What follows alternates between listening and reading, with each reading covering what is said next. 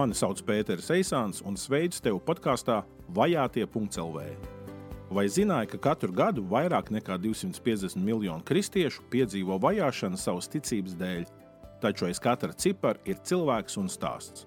Šajā podkāstā tu atradīsi ekskluzīvu informāciju un pieredzes stāstus no top 50 valstīm, kur kristiešu vajāšanas notiek visbiežāk.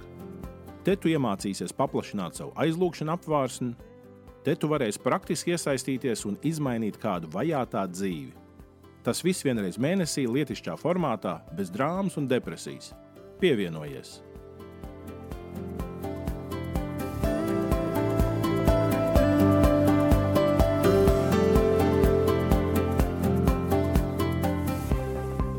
Vajātie.lv Sveicu tevi šajā epizodē, ko pēc ilgākas pauzes atkal laidīsim ēterā. Kopš 24. februāra visā Eiropā dzīve ir mainījusies, un arī mums, biedrībā Baltijas globālā iniciatīva, Krievijas iebrukums Ukrajinā daudz vairāk laika un enerģijas ir paņēmis nekā mēs būtu varējuši iedomāties. Taču ir arī kaut kas labs par to laiku padarīts, un tam jūs varat sekot līdzi Facebook, apskatieties sadaļu Baltijas globālā iniciatīva, jeb angļuiski Baltic Global Initiative. Eh, par to jūs tur varat uzzināt vairāk. Taču mums joprojām rūp vajātie kristieši pasaulē. Tā ir viena lieta, ko ik pa laikam dzirdam arī no austrumu Ukrainas, ka tieši brīvbaznīcas kristieši tiek īpaši uzmeklēti un vajāti, jo viņi nav pareizticīgie un viņus tur dēvē par amerikāņu spiegiem. Jāsaka, esmu saticis ar vairākus ukrāņus, kas par šo ir stāstījuši no personīgās pieredzes, Par to varbūt eh, citā epizodē, citā sarunā. Bet šajā epizodē iesāksim ar informāciju par jaunu sienas kalendāru, aizlūgšanām par vajātajiem kristiešiem pasaulē. Būs arī atskats uz vergu izpirkšanu Pakistānā, to, ko veicām iepriekšējā gadā. Un arī noslēgumā būs saruna par kristiešu dzīvi Pakistānā ar mācītāju no Pakistānas, kas bija viesos konferencē Eiropā un arī iebrauc pie mums Latvijā. Tāpat kā aizvadītajā gadā, arī šogad esam izdevuši sienas kalendāru aizlūgšanām par vajātiem kristiešiem pasaulē. Eh, katru nedēļu, pie katras nedēļas sākuma, ir kāds karodziņš no tām valstīm, kur notiek visintensīvākās kristiešu vajāšanas. Valsts ir izvietotas pēc vajāšanu intensitātes. Tātad iesākumā ir tās, kur visvairāk vajāšanas, un decembrī mēnesī tās, kur vajāšanas ir salīdzinoši vieglākas. Un šo kalendāru arī, ja vēlaties, var iegūt uh, savā īpašumā, uh, ziedojot uh, misijas Baltijas globāla institīva darbu tieši vergu izpirkšanā. Ziedojums ir 10 eiro vai vairāk, un tad jūs varat saņemt šo kalendāru kā prezentācijas materiālu, kā dāvanu savā, savā draudzē vai arī dzēnu pakomātā. Un es iesaku aiziet uz e-punkts slīpsvītra vajātiem, māju tā nav mājaslapa, tā vienkārši vietne internetā. Tur jūs varat gan pieteikt savu vēlēšanos, eh, ziedot eh, un arī saņemt kalendāru, un arī pateikt, uz kuru pakomātu var aizsūtīt. Tātad atkārtoju, e-punkts slīpsvītra vajātie. Loģisks būtu arī jautājums, kas tad notika ar to ģimeni, ko izpirkām no verdzības aizvadītajā gadā. Nu, jāsaka, ir notikušas labas lietas, jo viņi ir brīvībā, joprojām ir brīvībā, un viņi dzīvo Lahorā, Lahoras apkaimē. Vīrs Irfans, viņš strādā Lahoras universitātē. Nepārprotiet, liksies, o, universitātē strādā, vai viņš ir kāds profesors. Protams, nē, viņš strādā par sētnieku. Vakaros viņš brauc arī ar mocīti kā taksis. Mocīti, ko arī mēs no Latvijas palīdzējām viņam nopirkt. Viņa sieva Fozija uh, ir e, maikalpotāji vienā turīgā ģimenē. Līdz ar to kopā abiem viņi nopelna pietiekamu iztiku, lai būtu tāda ļoti vienkārša dzīvošana. Pēduši viņi ir, brīvībā viņi ir, bet e, nekāds luksus jau tur nesanāk. Bet viņi ir ļoti priecīgi, viņi ir pateicīgi. Viņi arī ir vietējā draudzītē, kas neliela draudzīte, arī bildes redzēja. Cilvēku nav daudz, bet viņi ir tādā ticīgo kopībā. Šogad mēs gribam izpirkt vēl vienu ģimeni. Un šodien gribu teikt, ka viņi ir arī pieci cilvēki sastāvā. Un līdzīgi kā iepriekšējā ģimene, viņi jau trešā paudzē ir šajā gūstā, šajā saistībās un, un, un, un verdzībā. Un Šabirs, Danišs, Sāra un Vaka ir tie, ko mēs izpirksim. Vakas ir jaunākais dēls, viņš ir akls. Sāra ir pusauģa meitene, un Danišs jau ir tāds jauneklis, un Šabirs ir tēvs. Viņiem gan skumja ziņa. Pavasarī, kad man pirmās bildes atsūtīja no viņiem, bija arī mamma vēl dzīva, bet pavasarī viņa saslima un 13. septembrī viņa nomira. Tādēļ viņam arī tāda skumja situācija viņu ģimenē. Viņu parāds ir 6130 ASV dolāru vērtībā. Un tas ir tas, ko arī mēs centīsimies ar šiem ziedojumiem savākt. Un arī janvāra mēnesī, janvāra vidū, veikt šo izpirkšanu, kas būs juridiski, visi nostiprināti ar dokumentiem, lai viņiem nevar celt nekādas pretenzijas, un viņi būs brīvi cilvēki. Cerams. Tātad, ja tu vēlies atbalstīt šīs ģimenes izpirkšanu no verdzības, tad uh, ziedo biedrības Baltijas globālā investīvu kontā un lūgums ievērot, ka ziedojuma mērķī jāraksta ziedojums 50 slīpsvītra 50. Tā mēs to atpazīstam starp citiem ziedojumiem. Pagājušo gadu ja mums bija tāds formulējums, un tādēļ arī mēs turpinām šogad to pašu formulējumu. Ziedojums 50 slīpsvītra 50. Taču šajā brīdī es aicinu jūs uz sarunu ar vienu mācītāju, ko uz Latviju paaicināja mans draugs Dārvids Sīls. Mācītājs Azars Kalims bija ieradies vizītē Somijā un Zviedrijā pie sadarbības partneriem. Somijā viņš ir labi pazīstams ar mācītāju Johanu Kandelinu, kas arī ir labs draugs mums. Viņš mums palīdzēja atrast labus kontaktus Pakistānā. Nu, tad, izmantojot situāciju, uz sarunu es aicinu mācītāju no Pakistānas, Azaru Kalimu. Uh, labdien! Hello, Sveiki, mācītāji Kalim! Prieks tevi redzēt Rīgā! Hello. Uh, Sveiki! Labdien! Mēs esam pavadījuši kopā dažas stundas, bet es pamanīju, ka tu jau nedaudz mācies latviešu valodu. Ko tu esi iemācījies? Es mācījos šodien. Man patīk mācīties valodas, un es iemācījos ļoti labu lietu. Un tā patiesībā ir mana misija. Mais, uh, Kristu krustā sistuvā. Jā, mēs sludinām Kristu krustā sistuvā. Great, great. Lieliski. Prieks to dzirdēt. Tā mums patiesībā ir kopīga misija. Bet vai vari palīdzēt mums saprast, kas ir Pakistāna? Iepazīstini mūs ar savu valsti, savu tautu un kāda ir situācija kristiešiem Pakistānā. Vai taisnība, ka Pakistānā ir tikai 1 vai 2% kristiešu?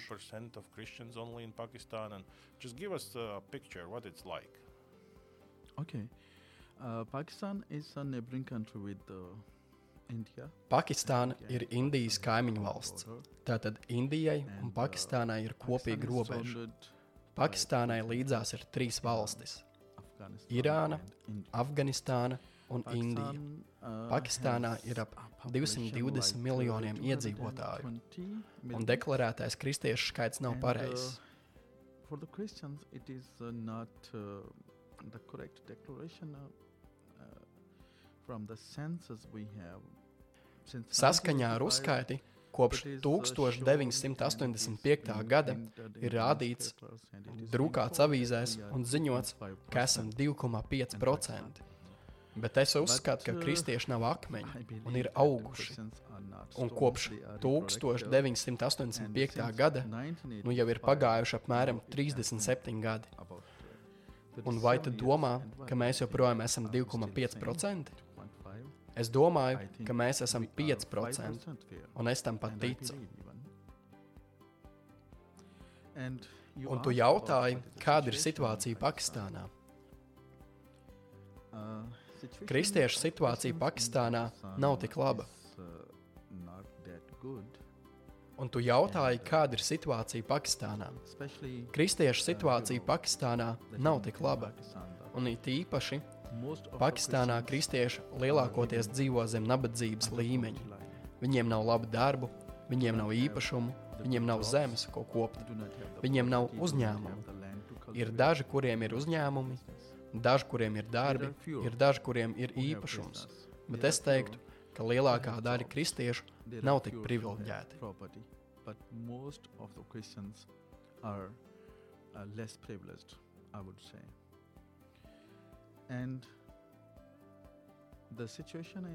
Un situācija Pakistānā ir tāda, uh, ka vajāšanas pašlaik pieaug satraucošā līmenī.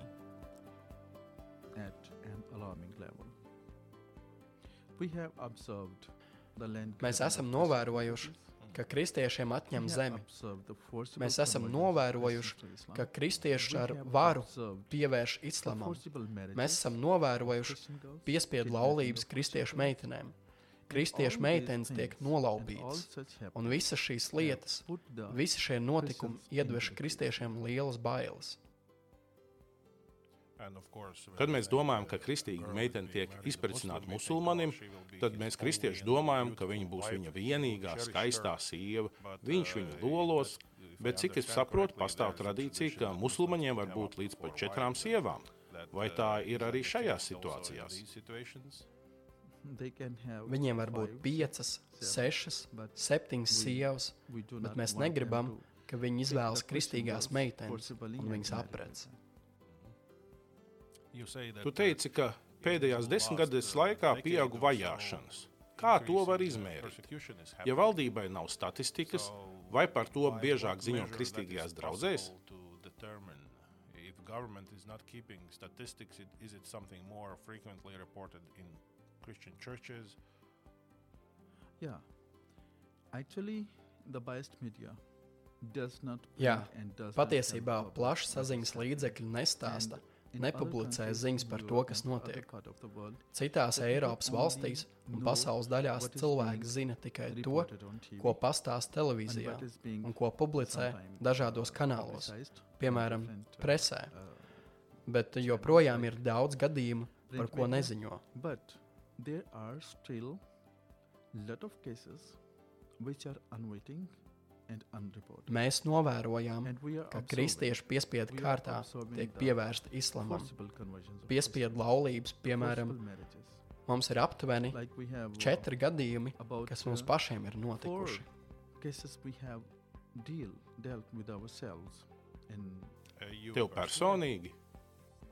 yeah Mm. uh, in in the in district Sahiwal where we have our two churches Jā, uh, Sahivāls apgabalā, uh, kur ir mūsu abas draudzes, uh, ir kāds from vecs mūziķis no Somijas. Mūsu draugi, viņi ir us mūs atbalstījuši, lai šīs uh, kristīgās meitenes varētu atvest atpakaļ. Pie viņu ģimenēm. Mēs cīnījāmies par viņām tiesām un atvedām viņas atpakaļ savām ģimenēm. Tikai Sahivalā, mazā pilsētā, esam novērojuši četrus gadījumus Ir vēl uh, vairāk. ar savām pašu acīm, ko esmu novērojis 2006, ar savām pašu acīm. Kopš my own 2006. house gada uh, manu pašu māju ieņēma musulmaņu ekstrēmisti. uh, Mūsu kristīgajā ciematā ieņēma mūsu īpašumu. Tam nav nekādas jēgas, ka kristīgā ciematā, uh, visā kristīgā that, ciematā uh, ienāk daži musulmaņi un apgalvo, ka uh, īpašums ir viņu. Es uh, stāstu to, kas uh, notika, uh, kā arī uh, to, ko esmu redzējis, ko esmu novērojis ar savām acīm. this uh, this is what i'm telling was uh, happened uh, with the bribed officers of the land and the revenue department. And then what i have seen what i have observed in my own with my own eyes in 1997 in district Hanwal, there was a 1997. big gadā Hanevals apgabalā bija liels kristiešu ciemats, To sauc Šantina gara. uh. Šantina garu nodedzināja ar uguni, daudzas uh, īpašumus, lot of, daudzus uh, dārzus un ražu, dzīvniekus. uh, Tas notika was also like a Christian 1997. was gadā. Tad It was 2006. gadā Notika 2006 I vajāšanas mans my mājās. own home. 2013. gadā bija liels Uh, a sprādziens pilsētā Pešavarā. Peshawar. Tas bija Lieldienu rītā? Kaut kas notika Lieldienas svinību laikā, manuprāt. Nē. Vai tas ir kaut kas cits? No, it, it was different. It was in autumn. nē, In tas bija cits. It was Tas bija rudenī, September augustā vai septembrī. Un tad vairāk uh, nekā there was 200 about, uh, cilvēku gāja bojā šajā 200 sprādzienā. more than 200 people who were Tad died. 2015. gadā in sprādzieni. 2015, Viens katoļu baznīcā un viens metodistu baznīcā, tikai Lahorā. Un tad lieldienās notika vēl viens then sprādziens. Arī Lahorā. Uh,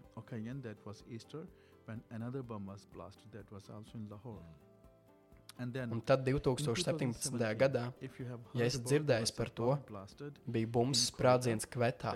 province, uh, kas ir uh, Beluģistānas provincē. Tā ir liela pilsēta, Kveta. Un baznīcā uh, 2017. on gadā 17th 17. December decembrī 2017, I es atceros precīzi datumu. Because mums bija programma. Ziemassvētku svinības Sahivalā. Uh, Un tā programma notika viesnīcā. Un tad mēs pēkšņi dzirdējām, ka ir noticis uh, kaut kas ļoti bēdīgs, uh, un mums programma ir jābeidz. Jo uh, up mūs informēja, lūdzu, slēdziet programmu. Mums ir tāda situācija, Mēs nezinām, kas notiks tālāk. Tad Kvetā. Bija uzspridzināta bumba. Un tad šī ir kā sērija, ko es stāstu. Uh, th- these are the series. 1997. gads, 97, 2006, 2006, 2013, 2015, 2017. gads. Šie ir lielākie notikumi, bet ir daudz citu problēmu. Kristiešu īpašumu sagrābšana, piespiedu islāma pieņemšana, piespiedu laulības, viss, lai mēģinātu dominēt par kristiešiem, kā vien var. Lai gan valdība to neatļauj, bet ir cilvēki, kas to dara.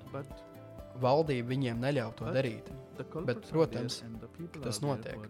Un tad ir likums, un visi iet un pieprasa taisnību pēc likuma. Tomēr tā notiek, un valdība to zina, ka tā notiek. 2013. gadā vēl bija citi incidenti, par ko aizmirst tev izstāstīt. Like uh, in 2013, another incident I forgot to tell you. In 2013, when there was the bomb 2013. blast in gadā, kad sprāga bumba Pešavarā, tajā pašā gadā, martā, uh, kādu vīrieti nepatiesi apsūdzēja uh, par zaimošanu pret likumu. Un tad Uh, musulmaņi nodedzināja visu kristiešu koloniju līdz pelniem. uh. And then the the Muslims of the area they burned the whole Christian colony to ash. Un tas arī bija laiks, kad uh, uh, Friends of Martyred Church mūs atbalstīja. Friends of Martyred Church ir bijuši mūsu partneri 2011 ilgu laiku, un viņi palīdz kopš And then I was 2011. telling you gada. Tad es tev stāstīju, ka 5 2011. gada 5. when the oktobrī, kad mūsu ciematā notika briesmīgās vajāšanas, viens zēns tika nogalināts, un 35 35 people cilvēki tika smagi savainoti. Es redzēju attēlus. Jā, So how did all Kā viss beidzās ar šo situāciju, kad jūsu ciematam uzbruka? was attacked? I sent the emails to es izsūtīju ēpastus dažādām organizācijām, uh, lūdzot atbalstu, jo mūsu situācija bija ļoti kritiska. Mēs aizvedām savainotos kristiešus uz slimnīcu. Mēs vispirms gaidījām pie publiskās slimnīcas, tad mēs viņus aizvedām uz citu slimnīcu. citā pilsētā. Mēs viņiem dabūjām tikai pirmo palīdzību, bet ievainotajiem cilvēkiem ķermenī joprojām bija lodes. Un tad es mēģināju pats rakstīt ēpastus draugiem, organizācijām. Es nevēlos nosaukt šīs organizācijas. Bet es no tām nesaņēmu nekādu uh, atbildi. Un tajā laikā atkal Church Friends of uh, Martyred Church uh, pastīja some pretī savus svētītās rokas uh, un citi draugi, uh, kas ziedoja mums personīgi. uh, Un vēl cita draudze bija Svenska Finland. Forsamling. They extended their no Somijas. Viņi sniedz savu atbalstu, un mēs varējām aizvest ievainotos cilvēkus uz 40 privātu slimnīcu. Pēc 40 dienām. Tās bija bēdas. 40 dienas cilvēki nesaņēma nekādu ārstēšanu. 40 dienas cilvēkiem ķermenī bija lodes. Te nu es runāju par vajāšanām un par attieksmi mūsu apkaimē. Paralēli es runāju arī par reakciju no mūsu draugiem pasaulē. Šī reakcija arī bija iespaidīga. That response was very passive too. Yeah, some people responded, some didn't. and Jā, I think it daži cilvēki atsaucās, daži nē. Manuprāt, tā ir izvēle katram. Daži cilvēki arī klausīsies šo podkāstu. Viņi domās, vai man kaut kas ir jādara šajā ziņā. Daži nedomās. Mēs vienkārši lūgsim, lai visi atsaucas kādā brīdī. Jā, es tikai saku, ka vajadzēja 40 dienas, jo tas bija steidzams jautājums. Bet vajadzēja 40 dienas. Būtu normāli, ka tad, ja esi kādas valsts pilsonis, tad vari saņemt to pašu ārstēšanu, tās pašas iespējas. Diemžēl tā vienmēr nav. You get the same treatment, same opportunities. You know, unfortunately, it is not always the situation. Nē, nē, diskriminācija vienmēr pastāv. Ir ziņots par daudziem diskriminācijas gadījumiem. regarding the discriminations have been reported as well. How in Pakistan, Kā uh, Pakistānā var pateikt, vai cilvēks ir kristietis vai musulmanis? Vai to var pateikt pēc sejas? Vai to var pateikt pēc dokumentācijas, foto, ID vai pases? Kā uz ielas var pateikt, šis ir musulmanis, šis ir kristietis, šis ir hinduists? Vai ir veids, kā viņus visus atšķirt? Uh, Es tā nedomāju. Pat tad, ja tu nezini, ka es esmu kristietis, jo es pasaku tev, ka esmu kristietis, bet manos dokumentos teikts, but tas ir manā ID kartē. Ah, tas ir Ah, it ID kartē. Tas ir. ID kartē uh, un pasē. Tur ir aile reliģijai. Uh, Bet citādi mēs Uh, visi esam cilvēki. uh, Mēs visi esam radīti viņa līdzjūtībā. Tāpēc mēs visi esam vienādi. Nav identitātes. There is no identities. Es pamanīju, ka laikā, kamēr mēs esam kopā, uh, es dzirdēju arī dažus tavus stāstus par saskarsmi ar musulmaņiem. uh, Daži ir labi, daži netik labi stāsti. Uh, Visi musulmaņi nav vienādi. Tas arī ir interesanti. Not all Muslims are the same.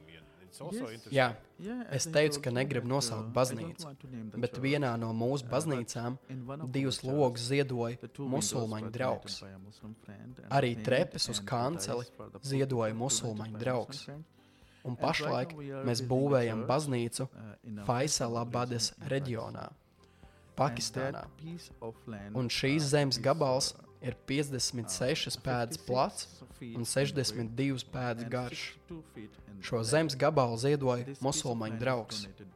Zemes saimnieks faktiski ir musulmanis, un mēs tur ceļam baznīcu. Mēs esam tikpat kā uzcēluši baznīcu, ir tikai jāuzliek jumts. Tad valstī, kur vairākums ir musulmaņi, ir jāiemācās būt autentiskam, īstam kristietim. Tomēr to jāuzmanās, kā tu runā publiski un kā tu veido saskarsmi ar vairākumu. how you interact with uh, those who are in majority, probably.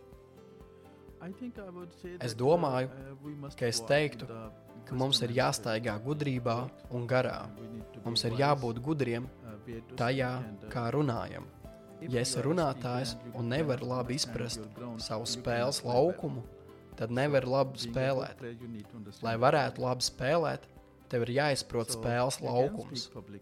Runāt publiski var, uh, bet gudri. uh, ir baznīcas, kurās cilvēkiem ir atļauts iet, uh, they un kur viņi var brīvi pielūgt. Tā nav problēma. Un notiek pat lielākas sapulces atklāti publiskās vietās. Es teiktu, ka tā nav problēma. the boundary. So I would say that it is it is not a problem. Is it easier? Dažreiz pilsētas ir liberālas. Vai tas nozīmē, ka lielās pilsētās it ir vieglāk būt kristietim nekā mazā ciematā?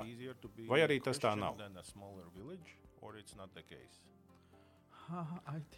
Es domāju, ka tad, kad mēs redzam, ka pilsēta ir liberāla, es nedomāju, ka tas ir atbilstošais termins, kādu lietot, jo slikti un labi cilvēki ir visur.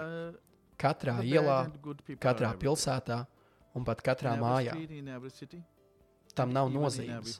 Bet Ja tā doma ir tāda, ka es izglītotā pilsētā, kur cilvēkiem ir liberāla domāšana un tam līdzīgi, man šķiet, ka tam nav nekādas nozīmes. liberal thinking and this and that, I think it, it doesn't make any difference. Uh, Pastāst man mazliet vairāk par savu draugu. Tu esi mācītājs, tu dibini draugus. Pastāst par savu redzējumu, kāpēc esi izvēlējies dibināt draugus tur, kur tu to dari. Kā tas notiek un kāda ir tava drauga? Ja es apmeklētu tavu baznīcu, ko es redzētu? attend your church, what would I see? okay. Uh, as a Uh, Kā jau teicu, tev iepriekšējā tikšanās reizē, es studēju portugāļu valodu. Mani ordinēja par mācītāju Brazīlijā 2012. gadā. Tad es atgriezos, un Dievs man lieto no tā laika. Esmu bijis Nepālā, mēs arī Nepālā esam dibinājuši draugu. Tad arī Somijā daudz reižu, arī Brazīlijā arī Brazīlijā uz draugu, kas ir mana mātes draudzene. Tad Pakistānā es dzīvoju Lahorā, kas ir Pendžabas provinces galvaspilsēta. Es tur apprecējos, un mans dēls dzīvo Lahorā. Bet tad es lūdzu un jautāju, kur man dibināt draugu. Lahora ir liela pilsēta, un tur ir daudz draugu. Un es secināju, ka nav piemērots sākt jaunu draugu Lahorā, jo tur jau ir daudz draugu.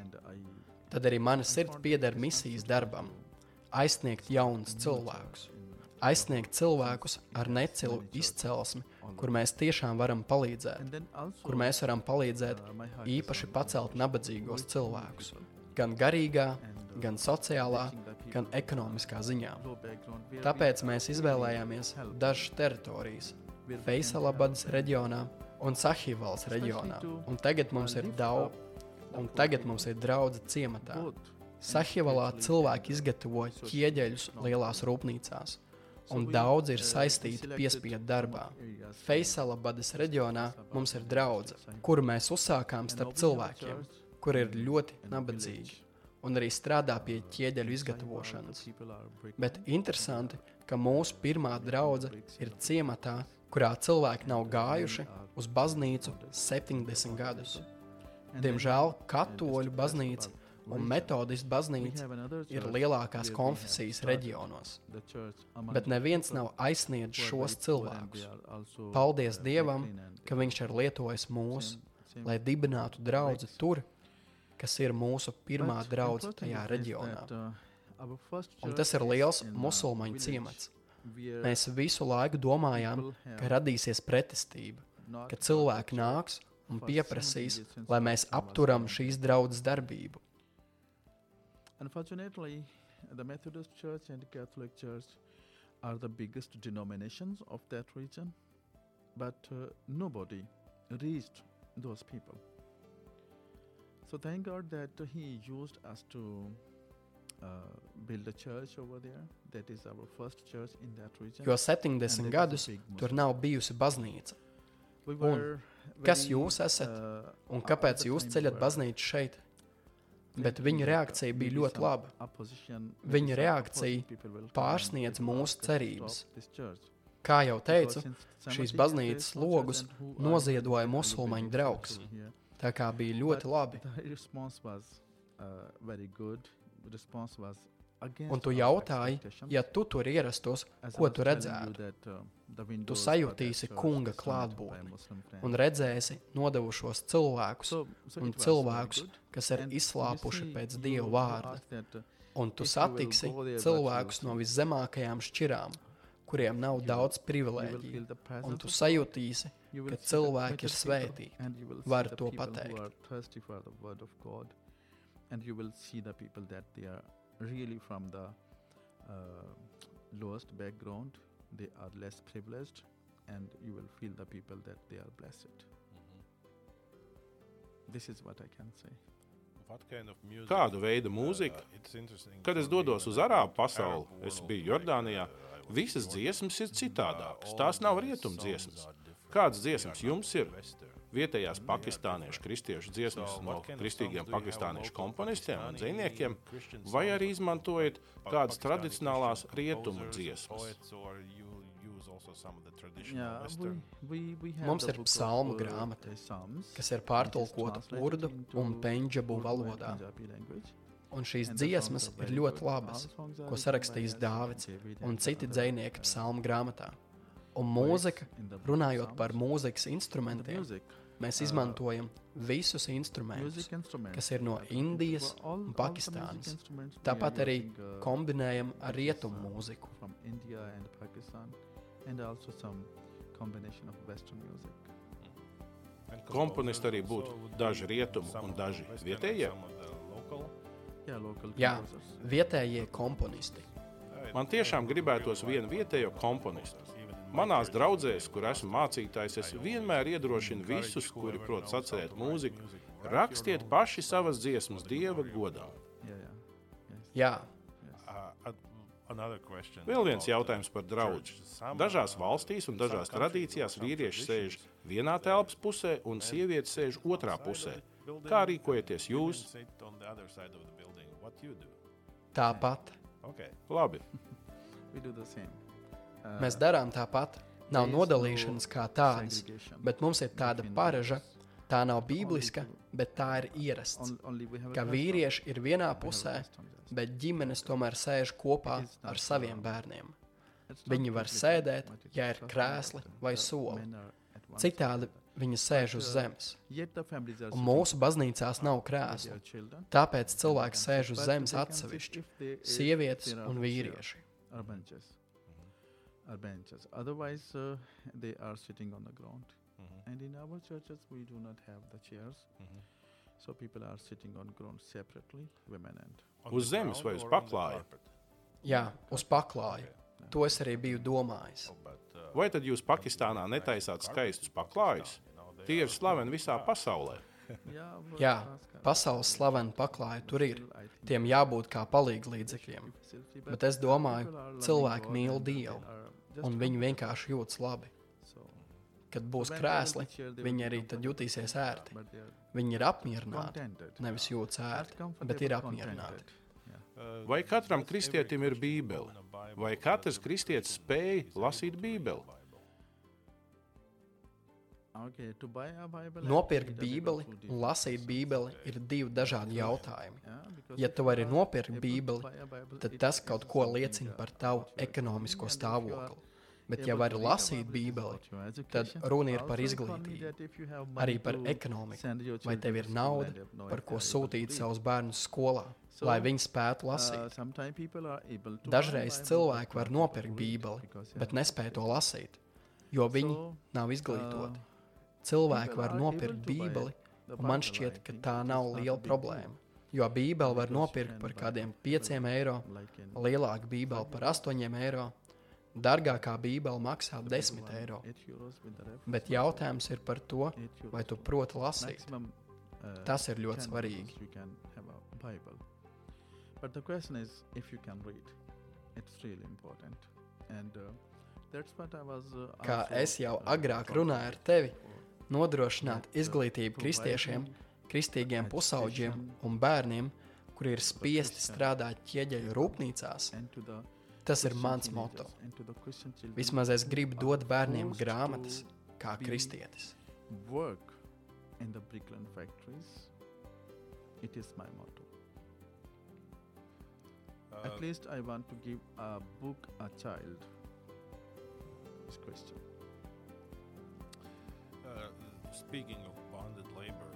Runājot par piespiedu darbu, es gribētu uzzināt mazliet vairāk par to. Pie mums domā, ka problēma ir tad, ja kāds ņem ātros kredītus. Tiem ir ļoti augsts procentu likme. Tā ir problēma. To paņem dažreiz tā nevisai gudri vai iztērē kādai muļķīgai lietai, un tad tie augstie procenti un jādomā, kā to visu atmaksāt. Bet kas ir piespiedu darbs? Kā atšķiras kredīts no piespiedu darba sistēmas? Jo es saprotu, ka pastāv atšķirības. Credit uh, from bonded labor system because I understand there is uh, some uh, difference. Yeah, uh, had, uh, uh, Jā, es to apspriedu arī ar citiem draugiem, jo viņi nevarēja atšķirt, kas ir verdzība un kas ir piespiedu darbs. Piespiedu darbs ir darbs, kuru apsolījies pildīt par naudu, par kredītu vai par kaut ko citu. Piemēram, par kredītu vai par kaut ko citu. Piemēram, tu kādam palūdzi uh, iedot tev dažus dzīvniekus, un dzīvnieka cena būs tavs kredīts. Tātad tu dabū dzīvniekus, baro tos un tā tālāk, bet tu neesi šo dzīvnieku īpašnieks, kamēr neatdod atpakaļ naudu, pilnu samaksu kreditoriem. Tad tu apsolies vai uzņemies saistības, ka strādāsi viņa vai viņas labā bez maksas, uh, kamēr atdosi atpakaļ naudu. Tāpat arī ķieģeļu rūpnīcās. Dažreiz kristiešiem ir konkrētas vajadzības, kādas ārkārtas vajadzības, un viņiem nepietiek resursu, lai tiktu galā ar situāciju. Uh, Tad viņi iet pie rūpnīcas īpašniekiem un prasa viņiem, kungs, dod mums tūkstoti eiro. Uh, mums to vajag. Mēs strādāsim pie tevis. Tad viņš noslēgs ar tevi darījumu. Dažreiz prasīs divus strādniekus, dažreiz visu ģimeni. Varbūt viņš prasīs, lai tu paņem savu bērnu no skolas un sūti strādāt. Un tu nevari sevi atbrīvot līdz brīdim, kad vari naudu atmaksāt. Ar savu piekrišanu tu sevi esi piesaistījis šim darbam. maybe sometime he will ask for you the whole family. Un tad verdzība. Kā Bībeles laikos cilvēks tiek nopirkts, un tad kāds viņam uzdod darīt vienu vai otru darbu, un viņi ir vergi līdz savai nāves dienai, un viņiem nav tiesības sevi atbrīvot. Vergām nav tiesības sevi atbrīvot, bet piespiedu darbā, ja vari atmaksāt naudu, tad esi brīvs. It is bought. the human is bought, mm-hmm. human is purchased, mm-hmm. and then somebody is uh, uh, uh, taking, uh, g- giving them responsibility to do this and that, and they are they are their slave until they die, mm-hmm. and they do not have right to free themselves. Yeah. The slave have do not right to free themselves, but the, in the bonded labor, if you can pay your money back, you are free. Kā viņi var atmaksāt, teiksim, 1000 eiro, ja viņi nevar nopelnīt to 1000 eiro? Vai viņi saņem samaksu par katru dienu, ko nostrādā pie šī īpašnieka, vai arī viņiem tā nauda ir jānopelna kaut kur citur, lai to atnestu atpakaļ īpašniekam? Protams. Tad jau tas ir kā burvju lokus. Viņi visu dienu strādā šim īpašniekam, Viņiem taču nav vēl citas 24 stundas. Viņiem nav cita avota. Viņiem nav cita cilvēka, kas strādātu kaut kur citur un dabūtu naudu. Sapelnīt to un atnest. Tādēļ piespiedu darbs ir kā lāsts, kad tu nespēji sevi atbrīvot. Un tad rodas kādas citas vajadzības, un tu saki, kungs, dod man vēl 100 eiro, ir šī vajadzība. Beigās tas ļoti izskatās pēc verdzības. Verdzība ar pašu piekrišanu, ar pašu izvēli. Tādēļ man tas personīgi bija ļoti nozīmīgi, kad mēs pagājušajā gadā centāmies atbrīvot vienu cilvēku no šāda piespiedu darba. Es viņus pat sauktu par vergiem. Man tas ļoti daudz nozīmē, ka mēs varēsim sniegt cerību vienai ģimenei. Protams, Ir vēl arī citi, kuriem vajadzētu palīdzēt. There is more, of course, that we would need to help. But, uh, there are a lot of families, uh, as I told, that. Uh, Mums ir 35 ģimenes ciematā, uh, kurā sākam savu draugu. Uh, Mēs cīnāmies arī par visu zemi, jo viņiem ir zeme, un ir kāds musulmaņu jurists, kurš cenšas sagrābt šo zemi sev. Viņš tur grib uzcelt skolu, vieta, kurā es tev parādīju baznīcu. Mēs arī par viņiem cīnāmies. Un es atkal novērtēju Friends of Martyr Church, ka viņi sniedz atbalstu arī šajā gadījumā, lai cilvēki var dabūt atpakaļ savu zemi. Un mums tur ir 35 ģimenes, un lielākajai ģimenei ir šādas saistības. Viņi strādā piespiedu darbu. Pat svētdienā īpašnieks viņiem prasa, lai viņi neiet uz baznīcu, bet lai iet strādāt. Dažreiz ģimenes meklē attaisnojumus un jautā, vai mēs nevaram noturēt dievkalpojumus vakarā, jo no rīta viņi nevar atnākt uz baznīcu. Can we hold the service there in the evening? Mm. Because in the morning they are not able to come to the church. But are they able to Bet vai viņi vakarā var atnākt? Yes. Ah. Jā. Ah, labi. Yeah. So, jo tad viņiem nav jāstrādā. Tas tikai parāda to, ka brīvā sabiedrībā, kāda ir mums, mums ir tik daudz tiesību. Mēs esam pie tā pieraduši un dažreiz nenovērtējam, cik laimīgi esam, cik svētīti, cik daudz tiesību mums ir. Svarīgi ir neuzskatīt mūsu brīvības kā pašas par sevi saprotamas. Vai vari pastāstīt mazliet vairāk par kalpošanas projektiem, ko tu veici draudzēs? Tu strādā arī ar nabadzīgiem cilvēkiem, ar sievietēm. Kādas ir dažas no kalpošanām, ko tu tur veici, un kāpēc šāda veida kalpošanas jums ir svarīgas? Why are they necessary, that type of ministries that you do? I think uh, uh, I will encourage uh, all of Es domāju, ka uzmundrināšu visus misionārus un kalpošanas, kas iesaistās misijas darbā Pakistānā, dažādās kalpošanās.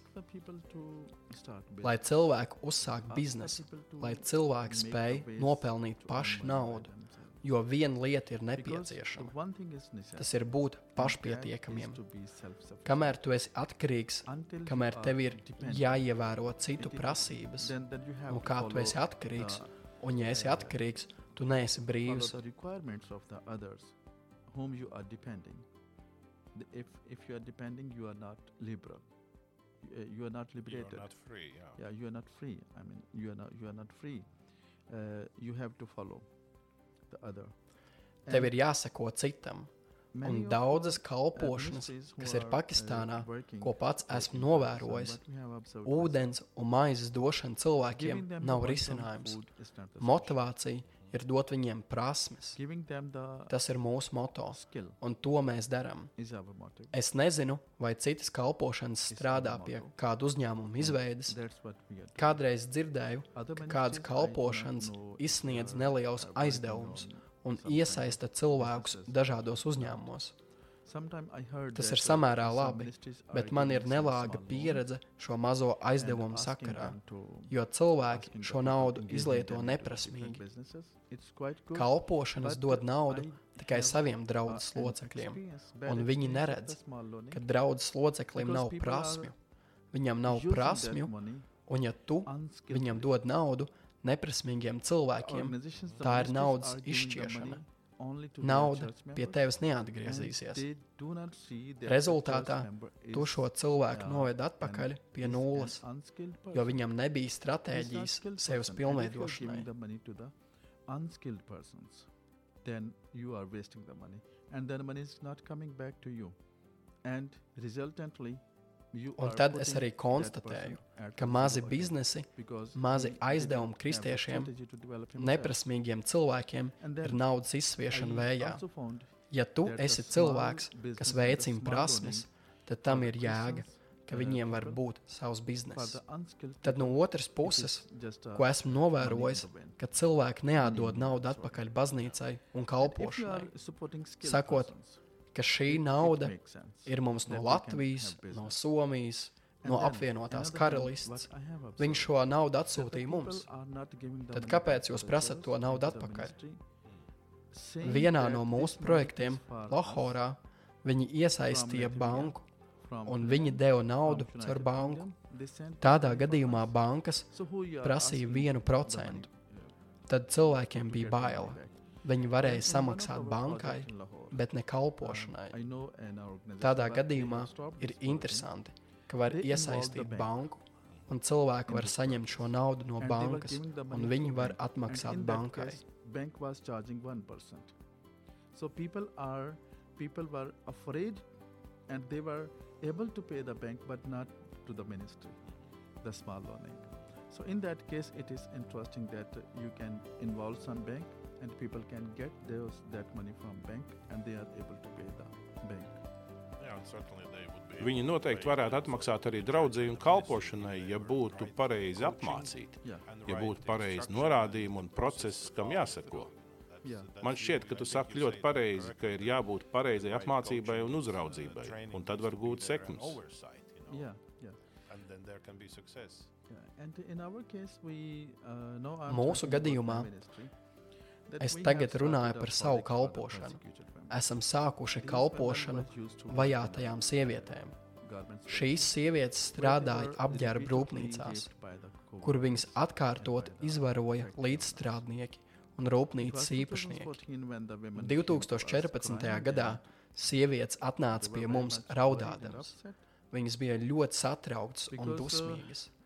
Uz šo rūpnīcu mēdz iet apmēram 30 sievietes, un rūpnīca nodrošināja busiņu, lai viņas nogādātu uz rūpnīcu un atpakaļ.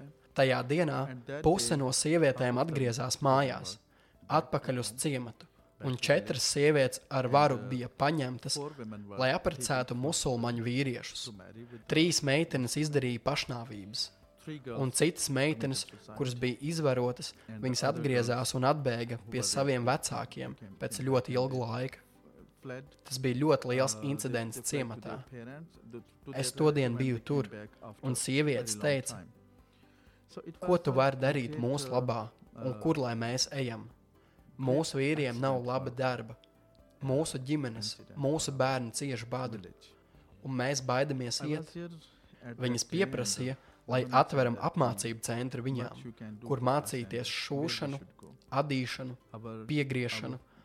Mēs apspriedāmies un domājām, ka nav labi tikai uzsākt apmācību centru viņām, jo, ja mēs viņus apmācām, tad mēs lielajam bezdarbnieku skaitam pievienojam tikai dažus prasmīgus cilvēkus.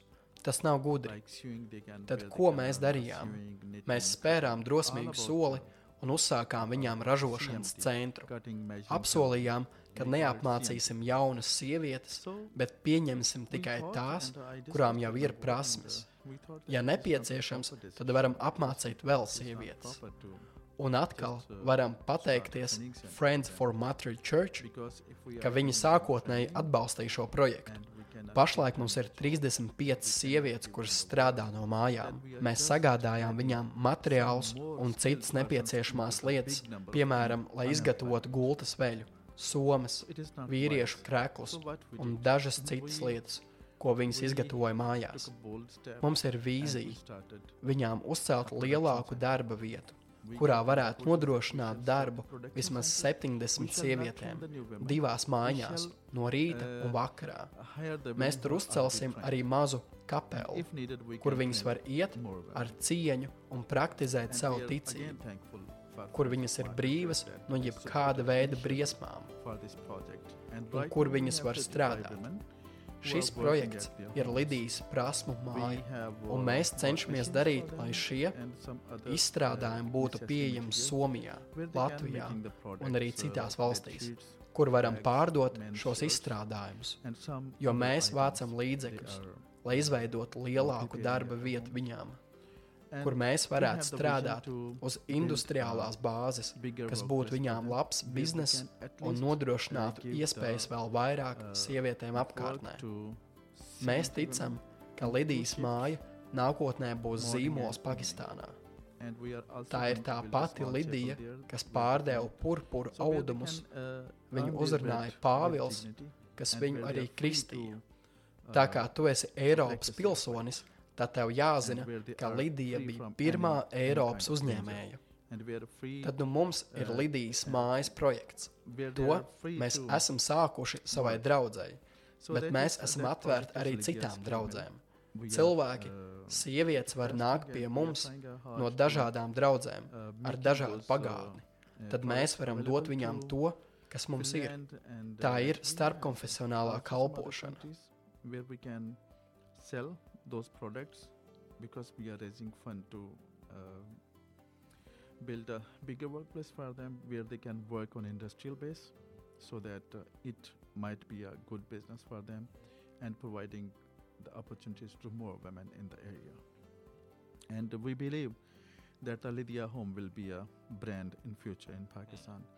And uh, this is the same Lydia who was a purple cloth seller and uh, she was uh, reached by Paul and also baptized by them. And since you are a European uh, citizen, you must also know that uh, Lydia was the first European businesswoman. So the same Lydia's home we have the project. This is what we have started for our church, but we are open to the other churches as well.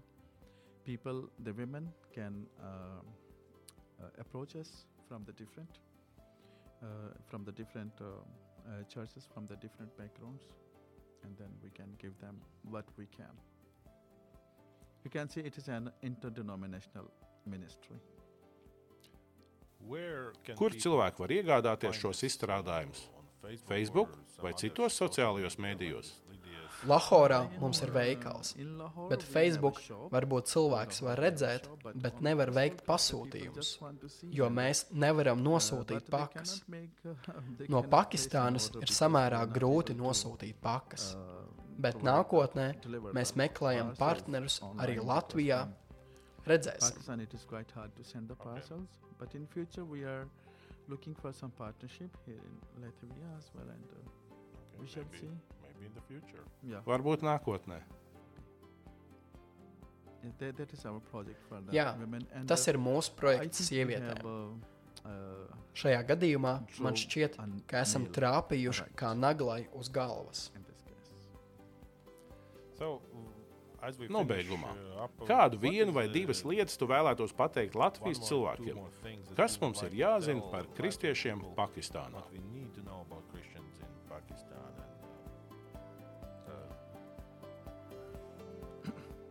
Like Vēlos uh, teikt, ka kristiešiem Pakistānā ir nepieciešamas jūsu lūgšanas. Un, ja kāds vēlas atbalstīt Pakistānu caur kalpošanām, nāšu jūs prasīt kalpošanām vai misionāriem iesaistīt cilvēkus biznesā. Jo, ja tev nav sava biznesa, jūsu nākotne ir drūma. Tas ir Pakistānā. Tas Pakistānā ir acīm redzami. Because if if you do not have the business, you your future is dark. This is this is this is obvious now in Pakistan. I just want to uh, exemplify one. Gribu dot vienu piemēru. There, there Pakistānā ir hinduistu kopiena, un viens no mūsu politiķiem devās uz to teritoriju, un kad atgriezās no turienes, viņš preses konferencē teica, ka hinduisti Pakistānā ir vairākumā. Tas bija nepareizi, jo kristieši ir vairākumā. Un tad es uzrakstīju rakstu ar nosaukumu. Kājām gaisā. Tas bija mans raksts, kurā es teicu, ka mums ziņo nepareizi, ka mums nenotiek īsta skaitīšana. Kādēļ viņš teica, ka we ir mazāk nekā uh, reported, we are uh, we are having no actual census, and why he said Tad es uh, uzzināju, ka hinduisti lielā mērā ir snieguši ieguldījumu tās provinces ekonomikā, jo viņi ir uzņēmēji. Un citā lielā pilsētā, said- divi ārsti ir hinduisti. Ja šos divus ārstus atņemtu, tad visa Wow. iegrimtu tumsā. Viņi ir ārsti, kuri ir hinduisti. Viņiem tur ir slimnīca, viņiem ir into un viņi sniedz lielu ieguldījumu šīs provinces ekonomikā. Bet ko Pakistānā dara kristieši? uh, uh, Karachi, Viņi nav neko ieguldījuši Pendžabas and in uzņēmē Hyderabad darbībā un ekonomikā. uh, Tāpēc viņš teica, ka viņi ir mazākumā, jo viņš are gribēja izpelnīties hinduistu labvēlību, Uh, jo and viņi sniedz savu ieguldījumu politikā un ekonomikā. Bet kristiešiem, kuriem nav nekāda biznesa, kurš gan par tevi vispār runās. Bet kristiešiem, kuriem nav nekāda biznesa, kurš gan par tevi runās? But in Pakistan, what the Christians are doing, they are they have not contributed anything into the business, into the economy of Punjab, and that is why he said that they are in majority because he wants to get the favor of those those Hindu women, Hindu people. Kurš gan par tevi vispār runās? Jo tu vienkārši velcies iepakaļ. Tāpēc lūdzu arī kalpošanām sākt iesaistīt kristiešus biznesā. Kalpošanas nes šiem cilvēkiem evaņģēliju. Ieved viņus praktiskā kristīgā dzīvē, bet vajag arī viņus atbalstīt, lai viņi varētu pilnveidoties. Viņu bērniem ir jālasa, Viņu bērniem ir jābūt skolās, viņiem nepieciešams labs uzturs, viņiem ir jābūt labam apģērbam.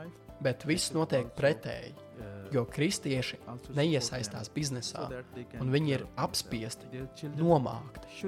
Viņi pat netiek mudināti uzsākt kādu biznesu.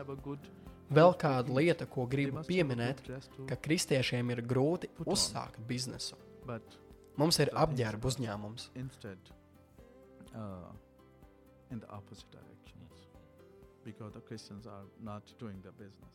And yet they are oppressed, depressed, and they are not even uh, encouraged to do the business. And there is another thing I uh, would like to mention that it is also. Bet ja atver pārtikas uzņēmumu, vai veikalu, musulmaņi tur neiepirksies. Pat tajās vietās, kur mēs dzīvojam, Lahorā, ir viena vieta, kur kāds vīrietis pārdeva vistas gaļu. Daži musulmaņi viņam piedraudēja, lai viņš izbeidz, jo viņam nav atļauts to darīt. Iemesls Parasti kristiešiem dod darīt netīrus darbus, lai viņus degradētu. Viņiem liek tīrīt noteikti caurules, viņiem liek vākt atkritumus. Tāpēc musulmaņi negrib, ka viņi pieskaras ēdienam. Tā arī ir problēma. Tā arī ir problēma. Un tas nav godīgi. Jo, ja kristieši netīrīs, kurš tad to darīs? Vismaz cilvēks tīrīs. Šāda veida diskriminācija nav laba, nav pieņemama. Bet tā notiek. Bet ir daudz veidu uzņēmēja darbības, ko var izvēlēties. Viņi var izvēlēties labu biznesu, kā mēs, piemēram, apģērbus izgatavojam. They are uh, giving the jobs to cleaning the garbage and this and that. And that's why the Muslims do not like them to touch the food. Yes. So this is also a problem, and this is not fair. Because if uh, if Christians are not cleaning, then who will be cleaning? At least human will be cleaning. So such kind of discrimination is not uh, is not good. It is not acceptable, but it is being happen. So even though we ask a Christian that there is a plenty of uh, plenty of business they can choose, they can choose a good business to do like we are doing the garments. And, uh, Var veikt būvdarbus, elektromontāžas darbus, ja viņi ir apmācīti. Jā, bet tad ir jābūt izglītotam. Elektroinženieru darbam ir jābūt vismaz vidusskolas izglītībai, un tur ir problēma. Mēs veicinām neizglītotu kristīgu pusauģu esamību sabiedrībā. Daudzos gadījumos cilvēkiem nav resursu, lai sūtītu bērnus skolā. No otras puses, izglītība nozīmē biznesu. Grāmatas, skolas forma dārgi maksā. Ja sūta bērns privātā skolā, jo cilvēkiem parasti nepatīk sūtīt savus bērnus uz publiskām skolām, privātās skolas cenas ir augstas. Ko var darīt, ja nav laba biznesa? Tad nevar bērnus sūtīt skolā. Because you're sending your children to the private schools, and the public schools, people usually do not like to send their children. So in the private schools, there are the bigger fees. Bigger fees. Ja bērni neiet skolā, so, ko viņi dara? Viņi uzaug kā bezatbildīgi pusauģi, kas var būt zagļi, laupītāji, lietot narkotikas. Reiz es ļoti priecājos uzzināt par kafejnīcu Somijā. Es jautāju, kas tā ir. Viņa teica, mums te ir kafejnīca, mums pagrabā ir mūzikas instrumenti. Tad kristīgie pusauģi, kas ir atkarīgi no narkotikām vai citādi problēmās, var nākt šeit parunāties, spēlēt mūziku, padzert tēju un kafiju bez maksas. Un tā, spēlēt mūziku, padzert tēju un kafiju bez maksas. Un tā, tad viņi vismaz ir kaut kādā veidā izklaidēti. Es domāju, ka iespēju nodrošina, lai kristiešu bērni saņemtu izglītību. Un dažreiz ir kristiešu bērni, kuri ir uzņemti skolā, Viņi ir pabeiguši vidusskolu, bet nevar iegūt augstāko izglītību. Tā ir vēl viena problēma. Tad viņus neuzņem elektroinženieru vai citos kursos. To nevar mainīt vienā paņēmienā, bet uzsākt skolas, prasmu apgūšanas centrus, apmācību centrus. Tad varam viņiem sniegt profesionālās iemaņas, varam sniegt profesionālo apmācību var uzcelt un uzsākt ārodas skolas studentiem, kuriem nav iespēja doties uz citām koledžām. Personīgi es domāju, ka mēs Lahorā uzsāksim datoru centru, kurā varētu uzaicināt vidusskolas beidzējus, lai viņi apgūtu datoru prasmes no centra darbiniekiem. We can uh, provide uh, vocational training to them. Vocational training schools can be uh, can be built and can be started for the students who have not uh, who have not uh, the opportunity to go to the other colleges. Like personally, I am thinking that uh, in Sahiwala in Lahore we shall start a computer center where we can invite the uh, students who have done the high schools and then we can ask them to learn the computer from those from those uh, Kas nepieciešams, lai no tā izrautos? Kas nepieciešams skolai un izglītībai? Kādēļ viņi to nevar darīt jau tagad? Tā ir lieliska prasme, jo man ir draugi, kuriem bija nepieciešama tīmekļa vietne kalpošanai. Kur viņi atrada palīdzību? Pakistānā. Bija daži pakistāniešu puiši, kuri dzīvoja Pakistānā un izveidoja viņiem mājaslapu. Kāpēc tam jābūt Pakistānas musulmaņu puisim, ja tas varētu būt arī Pakistānas kristiešu puisis? Jā, mūsu tīmekļa vietni veido kristietis. Viņš ir no Pakistānas. Viņš kaut ko ir darījis un ir apgūlis datoru. Vēlos pateikties par laiku, ko veltīju šeit, Rīgā, Latvijā, pastāstot par Pakistānu. Varbūt kādam klausoties, ir radušās idejas, un šis cilvēks vēlās pievienoties. Varbūt doties palīdzēt ar mācīšanu, apmācīšanu. Ja kāds ir satvērs šo redzējumu, mēģināsim palīdzēt un savienot, cik labi vien iespējams. Mācītājs Azars Kalims. Paldies, ka atnāci! Lai Dievs tevi svētī un svētī tavu turpmāko ceļu.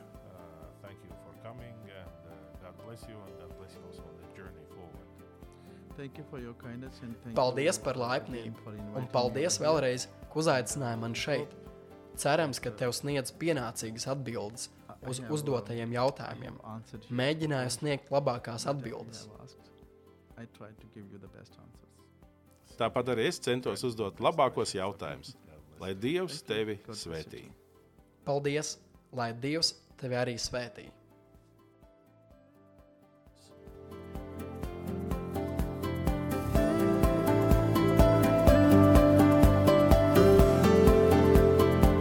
Paldies par stāstījumu. Paldies arī tev, ja noklausījies šo līdz galam.